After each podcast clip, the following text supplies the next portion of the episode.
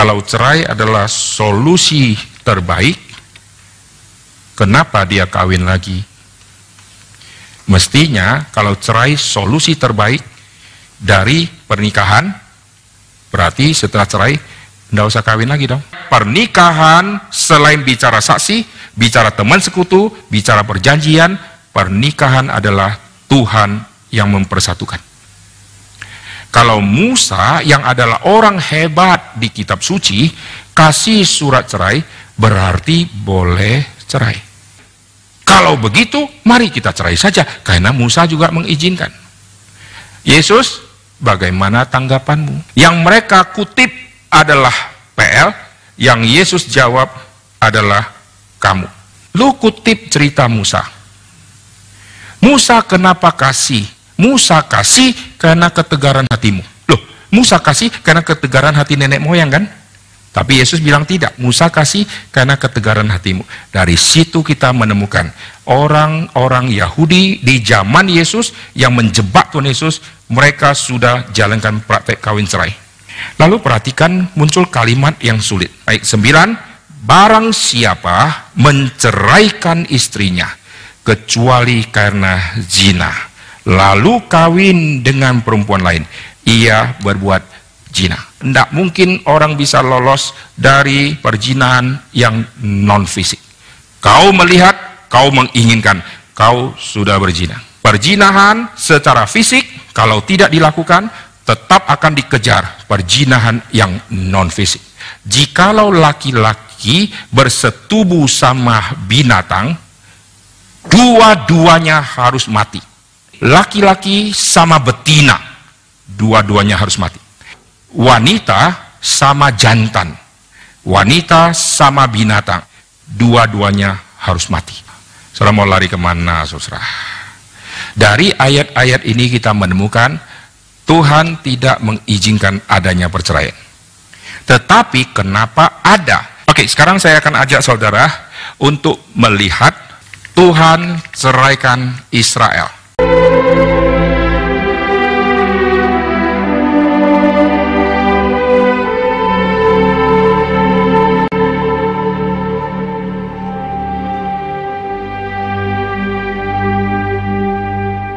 Oke, sekarang saya akan ajak saudara untuk melihat Tuhan ceraikan Israel. Israel itu siapa sih sebetulnya? Mari kita lihat di dalam Yeremia pasal yang ketiga. Ayat yang pertama, jika seorang menceraikan istrinya, lalu perempuan itu pergi daripadanya dan menjadi istri orang lain, akan kembalikah laki-laki pertama kepada perempuan itu? Bukankah negeri itu sudah tetap cemar? Jadi ceritanya gini, Tuhan angkat kasus seorang laki-laki sama si istri. Ini istri hitam. Lalu sudah cerai, istri kawin sama laki-laki lain. Akankah suami yang pertama menerima kembali si istri yang sudah sama laki-laki kedua? Jawabannya ada di kitab ulangan. Mari kita lihat, saudara tandain dulu Yeremia pasal yang ketiga. Sekarang kita ke ulangan pasal ke-24. Apabila seorang mengambil seorang perempuan dan menjadi suaminya, dan jika kemudian dia tidak menyukai lagi perempuan itu, sebab didapati yang tidak senonoh padanya, berarti si wanita ada yang tidak beres ya, tidak senonoh. Lalu ia menulis surat cerai dan menyerahkan ke tangan perempuan itu. Sesudah itu ia menyuruh dia pergi dari rumahnya. Dan jika perempuan itu keluar dari rumahnya dan pergi dari sana, lalu menjadi istri orang lain, dapat yang kedua, laki-laki kedua. Dan jika laki-laki yang kemudian ini, laki-laki kedua, tidak cinta lagi kepadanya, lalu menulis surat cerai dan menyerahkan ke tangan perempuan, itu serta menyuruh dia pergi dari rumahnya, atau jika laki-laki yang kemudian mengambil dia menjadi istrinya itu mati, maka suami yang pertama yang telah menyuruh dia pergi tidak boleh mengambil dia kembali menjadi istri. Wanita ini sudah pergi, tidak boleh terima kembali. Nah, Tema ini muncul di dalam ulangan pasal yang ke-24 tadi. Tuhan angkat kasus ini di dalam Yeremia pasal ketiga tadi. Mari kita lihat. Kenapa Tuhan angkat kasus ini? Saya baca kembali Yeremia pasal ketiga, ayat satu. Jika seorang menceraikan istrinya, lalu perempuan itu pergi daripadanya dan menjadi istri orang lain, akan kembalikah laki-laki yang pertama kepada perempuan itu? Jawabannya apa? Hah? Jawabannya apa? Tidak ya, kita sudah tahu tidak ya. Nah sekarang, melalui contoh itu, nanti Tuhan kaitkan Tuhan dengan Israel. Bukankah negeri itu sudah tetap cemar? Engkau telah berzina dengan banyak kekasih dan mau kembali kepadaku, demikian firman Tuhan. Saudara perhatikan siapa yang dituju di sini. Tuhan langsung mengkaitkan diri Tuhan sama Israel. Dan Israel sudah berzina dengan berhala-berhala yang lain. Tuhan ditinggal. Tuhan sudah ikat perjanjian dengan Israel, lalu Israel tidak setia, Israel berzina dengan ilah-ilah lain, dia sudah sama laki-laki yang kedua, lalu laki-laki pertama ditinggal. Ini contoh paralelnya. Suami pertama ditinggal, suami pertama merasa tidak senonoh lagi perempuan ini, lalu diusir keluar, dikasih surat cerai, nanti suami kedua terima. Nah sekarang Tuhan melihat Israel sudah tidak senonoh, nanti Tuhan ceraikan. Sekarang kita lihat dulu semua cerita ini ya, di dalam Yeremia pasal yang ketiga ini. Lihat ayat ke-8. Dilihatnya lah bahwa oleh karena jinanya, aku telah menceraikan Israel jadi Tuhan sama Israel kayak suami istri. Dan Tuhan ceraikan Israel, perempuan murtad itu. Jadi Tuhan kayak laki-lakinya, kayak suaminya, Israel kayak si istrinya. Karena istri ini sudah tidak senonoh, maka Tuhan ceraikan. Lalu lihat, dan memberikan kepadanya surat cerai. Jadi Tuhan kasih surat cerai kepada Israel, gitu ya.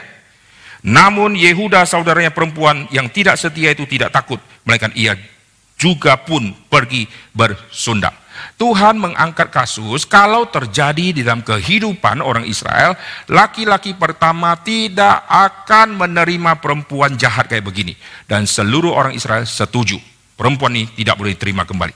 Dan Tuhan angkat kasus ini, Tuhan bilang, aku adalah Allah yang melihat Israel begitu bejat, dan aku sudah ceraikan Israel dan Israel pergi ke berhala-berhala lain atau ilah-ilah lain. Sekarang, kalau Israel kembali, mestinya Tuhan terima atau tidak? Tuhan pasti tidak terima. Kenapa? Karena lihat contoh kasus. Laki-laki pertama tidak akan terima. Tetapi Tuhan rubah cerita ini. Di dalam kasus sehari-hari, laki-laki pertama tidak akan terima lagi. Tapi Tuhan menerima kembali Israel. Ini namanya Tuhan menginginkan rekonsiliasi. Ini prinsip nanti penting di dalam pernikahan. Di dalam pernikahan Tuhan menginginkan rekonsiliasi. Tuhan disakiti oleh Israel, tetapi Tuhan terus menunggu Israel bertobat dengan Tuhan tetap di dalam kekudusan. Di dalam keluarga, kadang-kadang terjadi istri menyakiti si suami, si suami balas, lu selingkuh, gua juga bisa. Akhirnya dua-dua tidak senonoh. Tuhan disakiti, tetapi Tuhan tidak selingkuh. Tuhan dengan kesucian menantikan Israel kembali. Dan kalau Israel kembali, Tuhan akan terima. Dan inilah yang Tuhan jadikan contoh kasus di dalam cerita Hosea. Hosea mempunyai istri yang diperkirakan di awalnya istri ini baik, lalu berubah menjadi perempuan sundal. Mari kita lihat di dalam kitab Hosea. Ini menggambarkan kehidupan Tuhan dengan umatnya. Hosea pasal 1 Saudara lihat nih Hosea orang yang sangat kasihan sekali. Istrinya akhirnya pergi bersundal. Ayat yang kedua, ketika Tuhan mulai berbicara dengan perantara Hosea, berfirmanlah ia kepada Hosea, pergilah, kawinilah seorang perempuan sundal, dan peranakanlah anak-anak sundal. Orang kalau tidak mengerti ayat ini, cari pelacur saudara. Tuhan pesan kepada Hosea, demikian firman Tuhan, Tuhan pesan kepada saya, cari perempuan sundal. Lihat di pasal ketiga sekarang. Hosea pasal ketiga, Berfirmanlah Tuhan kepadaku, pergilah lagi, cintailah perempuan yang suka bersundal berjina. Seperti Tuhan juga mencintai orang Israel. Sekalipun mereka berpaling kepada Allah-Allah lain dan menyukai kue kismis, lalu aku membeli dia bagiku dengan bayaran 15 sikal perak dan satu setengah homer jelai Aku berkata kepadanya, lama engkau harus diam padaku dengan tidak bersundal dan seterusnya. Di dalam komentari saudara melihat latar belakang Hosea, Hosea punya istri awalnya orang baik-baik, lalu akhirnya istrinya pergi bersundal. Dia pergi bersundal, Hosea tidak harus terima si istri kembali. Ingat ulangan 25 tadi. Tapi Tuhan perintahkan Hosea, kawini perempuan sundal itu. Berarti terima dia kembali. Wah, Hosea pasti berat. Tapi dia seorang nabi yang menjadi alat peraga bagaimana Tuhan menerima kembali Israel. Wah, ini sangat berat. Hosea adalah nabi yang sangat taat kepada Tuhan, harus menerima istrinya kembali. Padahal di dalam hukum Musa tidak boleh terima istri seperti itu. Biarkan dia sendiri. Tapi Tuhan bilang, terima seperti aku menerima Israel. Jadi saudara lihat Tuhan menceraikan si istri yang begitu jahat ini. Israel tidak layak lagi diterima oleh Tuhan. Tapi dengan cinta kasih Tuhan yang besar, Tuhan terima kembali. Nah ini namanya rekonsiliasi. Sekarang saya ajak saudara untuk melihat prinsip rekonsiliasi yang diajarkan oleh Paulus di dalam 1 Korintus pasal yang ketujuh. Jangan pakai alasan cerai sebagai langkah praktis untuk selesaikan semua kasus. Zaman Tuhan Yesus, kasus pernikahan belum kompleks. Sampai ke zaman Paulus, kasus pernikahan menjadi kompleks. Orang Korintus punya konsep kalau menikah kurang rohani. Kalau tidak menikah lebih rohani. Paulus bilang gini, ayat 1.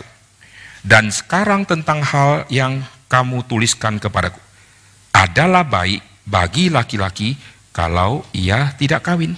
Wah, banyak orang baca tulisan Paulus di Korintus ini, lalu kutip satu ayat, jadikan doktrin. Saudara ingat, tulisan Paulus ini adalah surat. Surat Galatia, surat Timotius, surat. Kalau surat berarti mesti baca semua. Setelah baca semua, kita baru tahu maksudnya apa. Tidak bisa hanya kutip halaman ketiga, lalu saudara pegang menjadi satu landasan. Tidak bisa. Kalau surat ada 17 halaman, baca 17. Saya kasih contoh ya. Orang pacaran, cowok sama cewek. Lalu si cewek tulis surat balasan, ada tujuh halaman. Si cowok sudah lama tulis surat, tunggu balas, tunggu balas gitu ya. Lalu akhirnya dapat tujuh halaman. Lalu dia baca, wah dengan sukacita dia baca. Karena sudah lama mereka sudah komunikasi dan sudah rencanakan pernikahan gitu kan. Lalu dia baca surat, halaman pertama. Sesungguhnya aku mau jujur kepadamu. Aku tidak suka lihat kamu. Wah, mukamu bagaikan sapi tertelungkup. Lalu dia mulai ngamuk, dia sobek semua suratnya, lalu dia telepon balik ke cewek. Si cewek sudah senang menunggu surat balasan. Wah ditelepon, wah ada apa nih interlokal mahal. Lalu dia maki-maki si cewek, akhirnya ribut ndak habis-habis. Padahal isi suratnya, kau jelek, aku tidak suka kamu. Tetapi, nah kata tetapinya dia lupa baca saudara. Tetapi setelah sekian lama aku bersama kamu, ternyata kau lebih baik. Saya memutuskan mau sama kamu. Nah itu isi seluruh suratnya saudara. Tapi dia stop di halaman pertama, kalimat paragraf pertama, lalu dia mulai marah. Itu salah baca surat. Orang-orang yang baca kitab Korintus, kalau tidak kuasai semua konteks Korintus, maka keluar doktrin aneh kalau kawin pelayanan kita kurang maksimal karena ada gangguan anak gitu ya, ada nanti mertua, ada macam-macam ributnya luar biasa. Kalau sendiri melayani Tuhan lebih fokus. Sekarang kalau menikah pelayanan jadi tidak fokus. Bagaimana dengan orang-orang zaman dulu yang semua punya istri? Berarti pelayanan mereka kurang rohani dong. Kalau ada istri jadi kurang rohani. Kalau gitu kenapa Tuhan kawinkan si Adam sama si Hawa? Meni dia seorang diri saja. Karena setelah kawin jadi kurang fokus. Tidak, saudara. Kenapa mereka anggap kalimat Paulus sebagai kalimat yang jadi doktrin? Karena mereka comot kalimat itu. Mereka lupa seluruh konteks. Saudara lihat, Paulus membahas di dalam satu Korintus dengan konteks yang begitu jelas. Adalah baik bagi laki-laki kalau dia tidak kawin. Wah, lalu orang senang. Lihat kan, jomblo bagus toh? Paulus bilang, tetapi mengingat bahaya percabulan, baiklah setiap laki-laki mempunyai istrinya sendiri. Ini memakai bentuk tunggal. Laki-laki bentuk tunggal, istrinya bentuk tunggal. Jadi satu sama satu ini monogami. Bukan berarti mengingat bahaya percabulan. Laki-laki kawinlah banyak istri. Tidak, saudara. Mengingat bahaya percabulan. Laki-laki, lo jangan sok rohani. Kalau kawin kurang suci, tidak kawin suci, ada bahaya percabulan. Lebih baik kau kawin. Pernikahan adalah pasangan yang Tuhan satukan, penolong sama yang sepadan, lalu teman sekutu dan yang lain-lain. Tadi saya sudah bahas oh. Jadi bukan karena aku tidak nafsu maka aku kawin. Sekarang saudara lihat ayat ketiga. Hendaklah suami memenuhi kewajiban terhadap istrinya. Demikian pula istri terhadap suaminya. Istri tidak berkuasa atas tubuhnya, tapi suaminya. Demikian pula suami ini bicara mengenai hubungan intim, hubungan yang sangat dekat. Jangan kamu saling menjauhi. Saudara lihat ya, ini terjadi perpisahan. Kecuali dengan persetujuan bersama. Sementara waktu. Pisah ranjang boleh enggak? Alkitab bilang boleh. Tapi sementara waktu.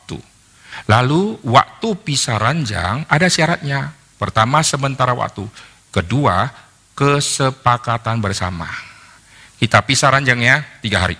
Tidak bisa kita pisah ranjangnya tiga setengah tahun. Kelamaan saudara. Mesti ada kesepakatan bersama, mesti ada deadline-nya, dan waktu pisah. Bukan chatting sama pacar yang lama saudara. Aku kesepian ya yang Lalu si pacarnya, aku juga gitu ya. Lalu pisahnya tiga hari. Tetapi dia sedang komunikasi sama yang lain. Waktu pisah, Alkitab bilang, kamu harus saling mendoakan supaya nanti satu ranjang lagi.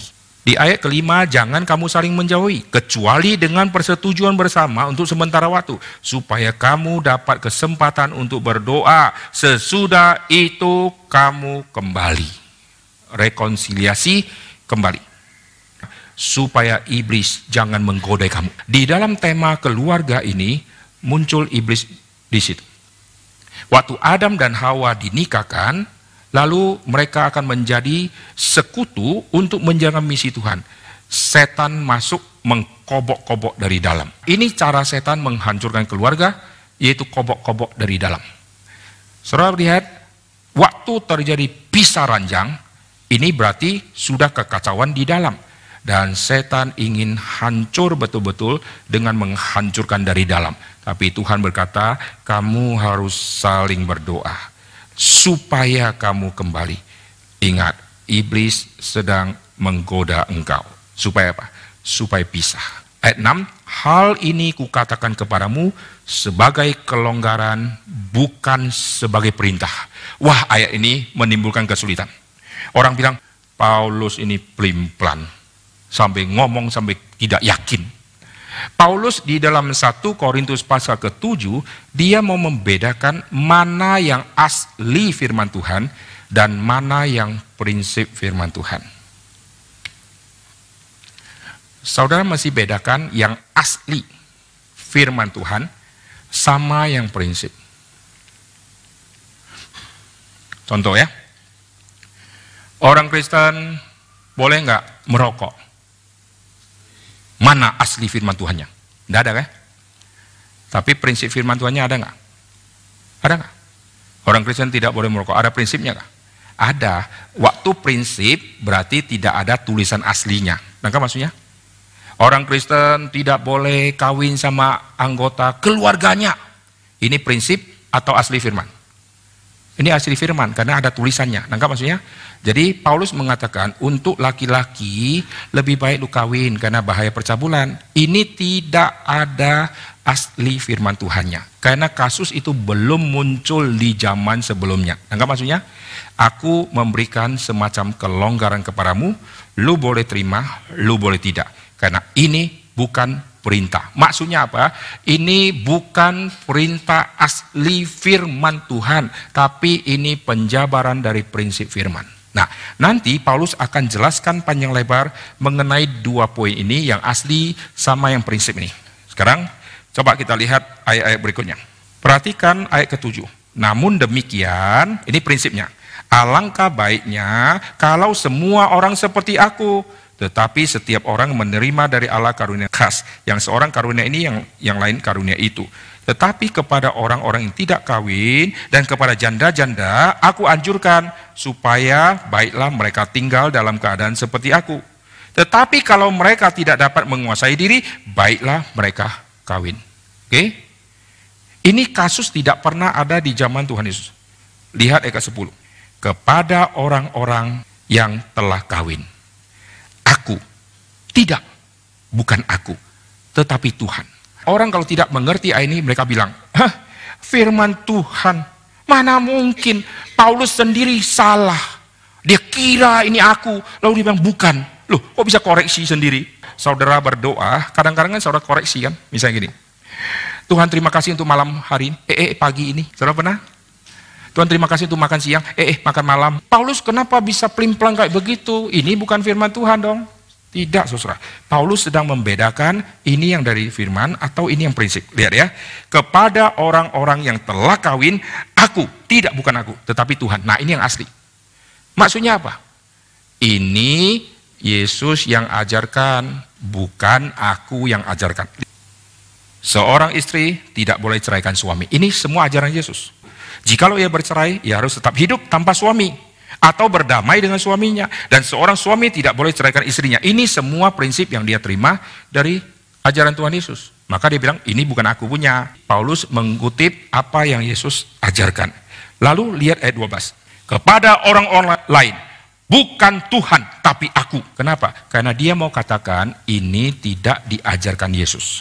Kalau ada seorang saudara beristrikan seorang yang tidak beriman, di zaman Yesus tidak ada kasus ini. Maka dia bilang, ini bukan Tuhan, ini aku. Maksudnya, aku akan memberikan prinsip kitab suci mengenai kasus ini. Nah ini kasusnya begini. Ini si suami lalu punya istri, saya kasih hitam si istrinya, istrinya ini tidak beriman. Lalu bagaimana ini? Ceraikan atau tidak? Nah, zaman Yesus nggak ada kasus ini. Paulus kasih jawaban begini. Jangan kau ceraikan dia. 13. Kalau ada seorang istri bersuamikan seorang yang tidak beriman dan laki-laki itu mau hidup bersama, jangan kau ceraikan. Ayat 14. Karena suami yang tidak beriman itu dikuduskan oleh istrinya dan istri yang tidak beriman dikuduskan oleh suaminya. Ini tidak bicara keselamatan. Saudara jangan sangka, oh kalau istri sudah bertobat, suami tidak, suami dikuduskan berarti suami diselamatkan karena istrinya selamat. Keselamatan tidak bisa nebeng-nebeng kayak begini. Istri ini yang tidak beriman sama suami beriman, istri ini dikuduskan. Maksudnya apa? Jangan kau anggap istri ini najis. Kau sudah menjadi orang Kristen. Kau dapat istri, yang istri itu adalah yang tidak seiman. Kau jangan anggap dia najis. Nah ayat ini saudara jangan salah tafsir. Kalau begitu boleh cari istri atau suami yang non-Kristen. Tidak. Di dalam kasusnya ini terjadi begini. Dulu mereka adalah orang yang belum Kristen. Tetapi karena Injil Tuhan sudah tersebar, maka salah satu menjadi Kristen. Jikalau si suami sudah terima Kristus duluan, si istri belum, dulu awalnya dua-duanya belum. Nangka maksudnya? Bukan satu sudah lalu mulai cari istri yang belum. Saudara mesti nangkap ya.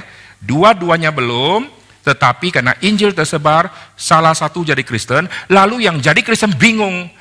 Aku sudah milik Kristus, yang ini belum, ini di luar Kristus. Paulus bilang, eh dia dikuduskan, lu jangan anggap dia najis. Nah lalu lihat teorinya. Karena suami yang tidak beriman dikuduskan oleh istrinya, istri yang tidak beriman dikuduskan oleh suaminya. Andai kata tidak demikian, niscaya anak-anakmu adalah anak cemar. 15, tetapi kalau orang yang tidak beriman itu mau bercerai, nah sekarang contoh, si cewek tidak beriman atau belum Kristen, dia mau cerai, boleh enggak? Boleh, karena dia tidak ada hukum Kristen. Agama dia mengizinkan, maka dia mau cerai, boleh dia. Karena dia masih non. Tetapi kalau ada orang yang tidak beriman itu mau bercerai, biarlah ia bercerai. Dalam hal yang demikian, saudara atau saudari tidak terikat. Kalau terjadi perceraian seperti itu, nah ada gereja-gereja yang mengizinkan si suami boleh kawin lagi. Tapi prinsip Alkitab sebetulnya mengenai tidak terikat lagi, bukan bicara dia boleh kawin lagi karena sudah tidak terikat. Dia sudah tidak terikat lagi sebagai kepala keluarga yang harus mengayomi si istri. Karena istri sudah memutuskan meninggalkan dia. Kan maksudnya? Termasuk kasusnya diputar, si istri orang beriman, suaminya tidak. Maka suaminya lakukan apa pun di luar, istrinya sudah tidak terikat karena istrinya sudah ditinggal. Ayat ke-15, tetapi kalau orang yang tidak beriman itu mau bercerai, biarlah ia bercerai. Dalam hal demikian saudara-saudara tidak terikat. Tapi Allah memanggil kamu untuk hidup dalam damai sejahtera. Jadi tetap diizinkan adanya rekonsiliasi. Sebab bagaimanakah engkau mengetahui hai istri, apakah engkau tidak akan menyelamatkan suamimu? Di sini memberikan satu peluang yang sangat menarik. Jikalau kamu dua-duanya dulu belum percaya, dan kamu sebagai suami bisa jadi percaya. Mengapa kau pesimis istrimu tidak akan jadi orang percaya? Kalau kau yang dulunya tidak percaya, sekarang bisa menjadi percaya.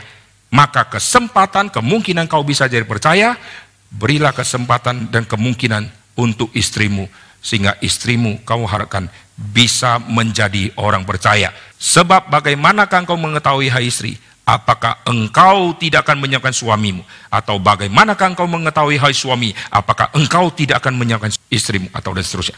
Di dalam Alkitab pernah terjadi kasus di dalam kisah Rasul 16 ayat 1. Paulus datang juga ke Derbe dan ke Listra. Di situ ada seorang murid bernama Timotius, ibunya seorang Yahudi. Semua orang Yahudi memegang Taurat Musa. Satu persatu orang Yahudi mulai percaya kepada Tuhan Yesus melalui pelayanan Yesus dan para rasul. Saudara lihat, dia orang Yahudi. Pasti dulunya bukan orang Kristen. Lalu dikasih keterangan. Dan telah menjadi percaya. Ada perubahan dari non menjadi tidak non. Dari non-Kristen menjadi tidak non. Tetapi suaminya bagaimana? Suaminya ini seorang Yunani. Waktu mereka nikah, satu Yahudi, satu Yunani. Dan dua-duanya non. Waktu Injil Tuhan disebar, banyak komentar yang membahas orang tua si Timotius, mamanya ini bertobat, mamanya sudah jadi Kristen. Yahudi Kristen. Nah, di dalam konsep seperti itu, kita lihat si istri masih menerima si suami. Si suami masih sama ini. Anaknya Timotius dipakai oleh Tuhan. Jikalau si istri yang dulunya non, sekarang bisa jadi orang percaya Masakan kau menutup kemungkinan suamimu menjadi orang percaya juga? Berarti serahkan kepada Tuhan, injili dia, harap dia bisa kembali kepada Tuhan.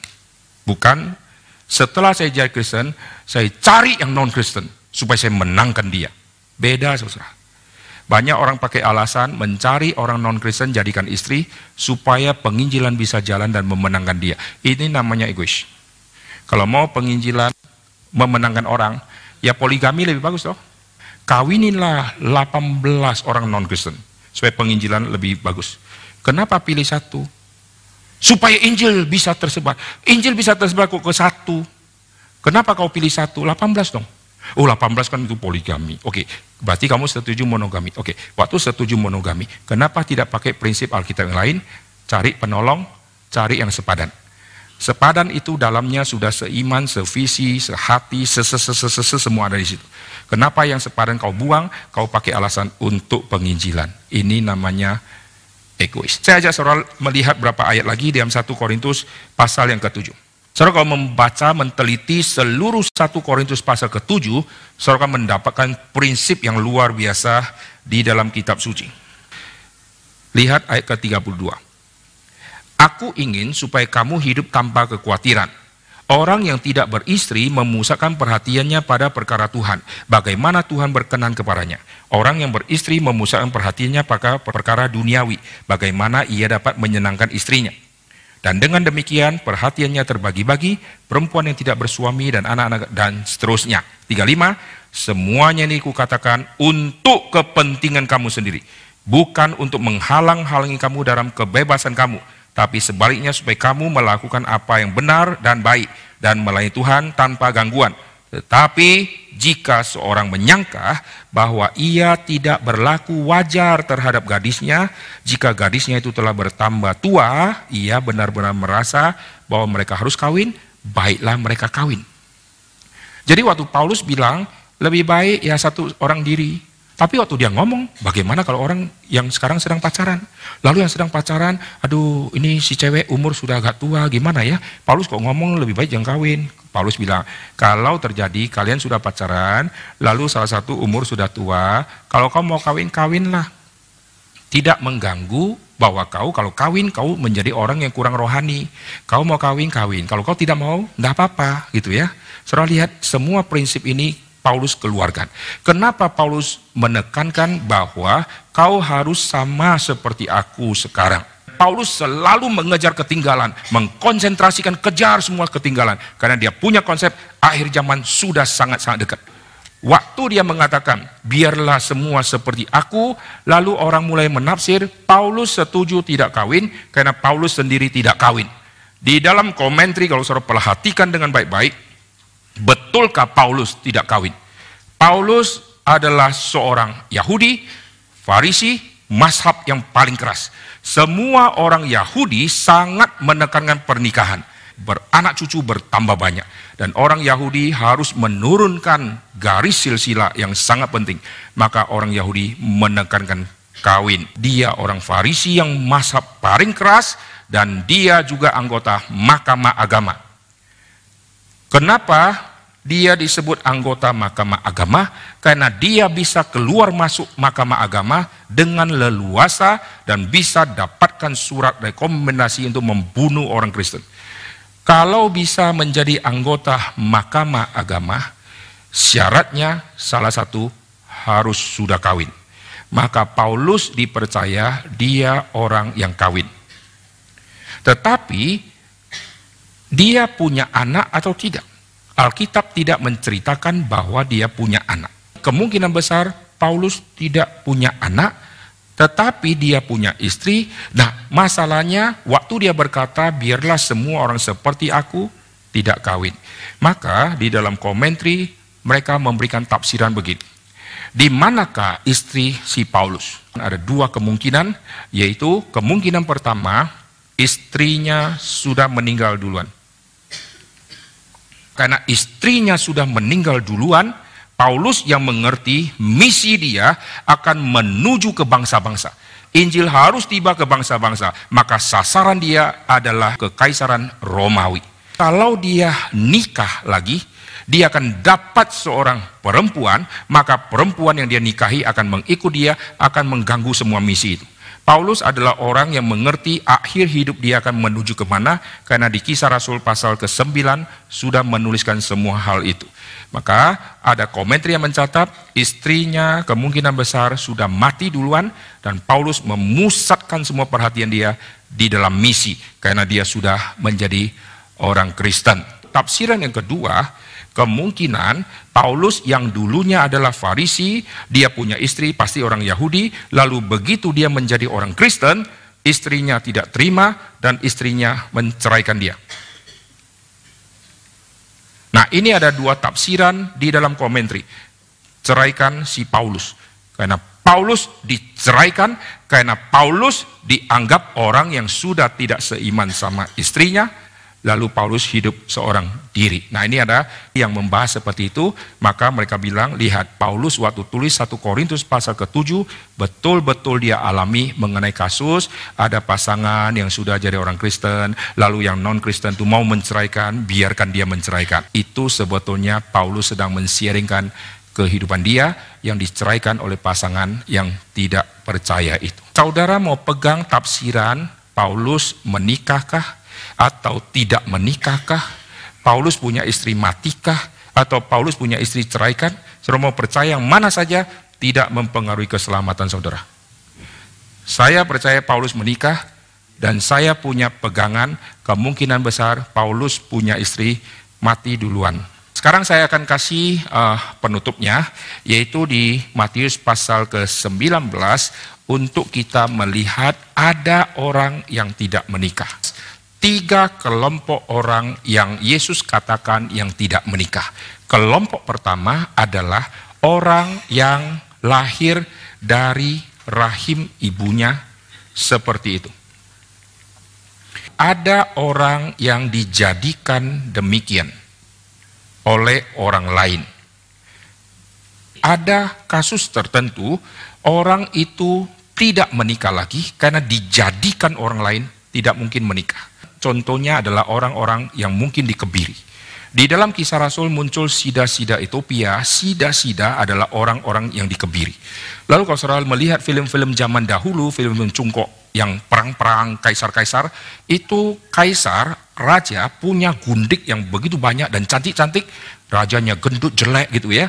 Lalu prajurit-prajurit yang jaga di istana, yang jago main pedang dan golok, itu gagah-gagah ganteng-ganteng. Lalu raja yang jelek-jelek mereka khawatir kalau nanti gua pergi bertamu ke kerajaan sebelah, nanti gundik-gundikku nikah atau tidur sama prajurit di istana. Maka semua prajurit di istana dikebiri sama dia. Waktu sudah dikebiri, raja pergi, dia aman. Karena tidak mungkin kau selingkuh sama selir-selirnya. Maka raja-raja membuat hukum kebiri semua prajurit yang ada. Ada orang yang demi kerajaan Allah banyak orang yang tidak menikah atau yang belum menikah melarikan diri dengan mengutip ayat, "Aku tidak menikah demi kerajaan Allah, demi pelayanan." Waktu dicek, emangnya pelayanan apa sih? Asyir dan kolektan. Itu pun dua bulan sekali dijadwalkan. Ampun, saudara ya. Saya kalau melihat orang yang demi kerajaan Allah tidak menikah, kayak misionaris. Saudara bayangkan seorang misionaris dari Amerika atau Eropa lalu pergi ke pedalaman melayani orang yang tidak mandi. Bagaimana dia bisa menikah sama orang seperti itu? Maka demi kerajaan demi Injil dikabarkan, dia rela tinggal di pedalaman sampai digigit nyamuk, kena malaria, lalu dimakan binatang buas, kena binatang berbisa, lalu dia mati di situ tanpa kawin. Dan demi kerajaan Allah, dia rela seperti ini kalau saudara yang sampai hari ini belum punya pasangan atau belum uh, kawin atau tidak mau kawin, jangan kutip-kutip ayat Alkitab ya. Lebih baik jujur saja. Kebanyakan orang yang karena dulu pernah gagal, akhirnya trauma untuk melangkah. Saudara jangan gila, lanjut aja, laki cari lagi. Kalau kalian ditolak pacar, jangan kalian marah. Anggap saja dia tidak layak untuk kalian. Wah, waktu berlalu cepat sekali. Maka jangan tunda lagi. Kalau saudara berkata, aku sudah tua. Jangan berkata, aku sudah tua. Jangan-jangan saudara hidup lebih panjang dari saya umurnya. Ingat zaman Musa, Musa berkata umur manusia 70. Jikalau kuat 80. Berarti kalau Musa yang menulis jika kuat 80, Musa sendiri dipanggil Tuhan umur 80, berarti waktu dia tulis dia gemeter akhir hidupku sudah tiba. Karena jika lo kuat 80 toh, dia dipanggil Tuhan kan, melayani kan umur 80 kan, ternyata orang yang kayak begini, jika lo kuat 80, matinya 120. Jadi saudara yang sekarang, aku sudah tua, berapa sih? Saya capek. Jangan-jangan seorang mati, pe cap si, saudara. Ada satu hamba Tuhan yang dari dulu dia tidak mau menikah. Kenapa Bapak tidak mau menikah? Saya kasihan sama istri saya nanti. Karena saya sekarang sudah berumur, sudah hampir 50. Kalau saya nikah, nanti kalau saya sudah mati duluan, kasihan istri. Kalau saya nikah, anak saya masih kecil, saya sudah tua. Kalau saya mati, kasihan anak saya. Sampai hari ini, orang yang ngomong kalimat itu sudah hampir 20 tahun. Dan orang ini masih hidup. Seandainya dulu dia kawin, anak dia sekarang sudah umur 20 tahun. Siapa yang sangka saudara umurnya lebih panjang? Semua kemungkinan di depan, apa pun bisa terjadi. Ada orang kira masih muda, bisa mati duluan. Ada orang sudah kira dia sudah tua, tapi tidak mati-mati, saudara. Selama masih ada kesempatan, cepat cari, saudara. Minta petunjuk Tuhan, Tuhan yang manakah orangnya. Mari kita berdoa. Bapak di surga kami berterima kasih untuk apa yang sudah kami dengarkan. Biar apa yang sudah kami dengarkan menjadi prinsip penting di dalam kami memilih. Terima kasih Tuhan, dengar doa kami. Dalam nama Tuhan Yesus kami berdoa. Amin.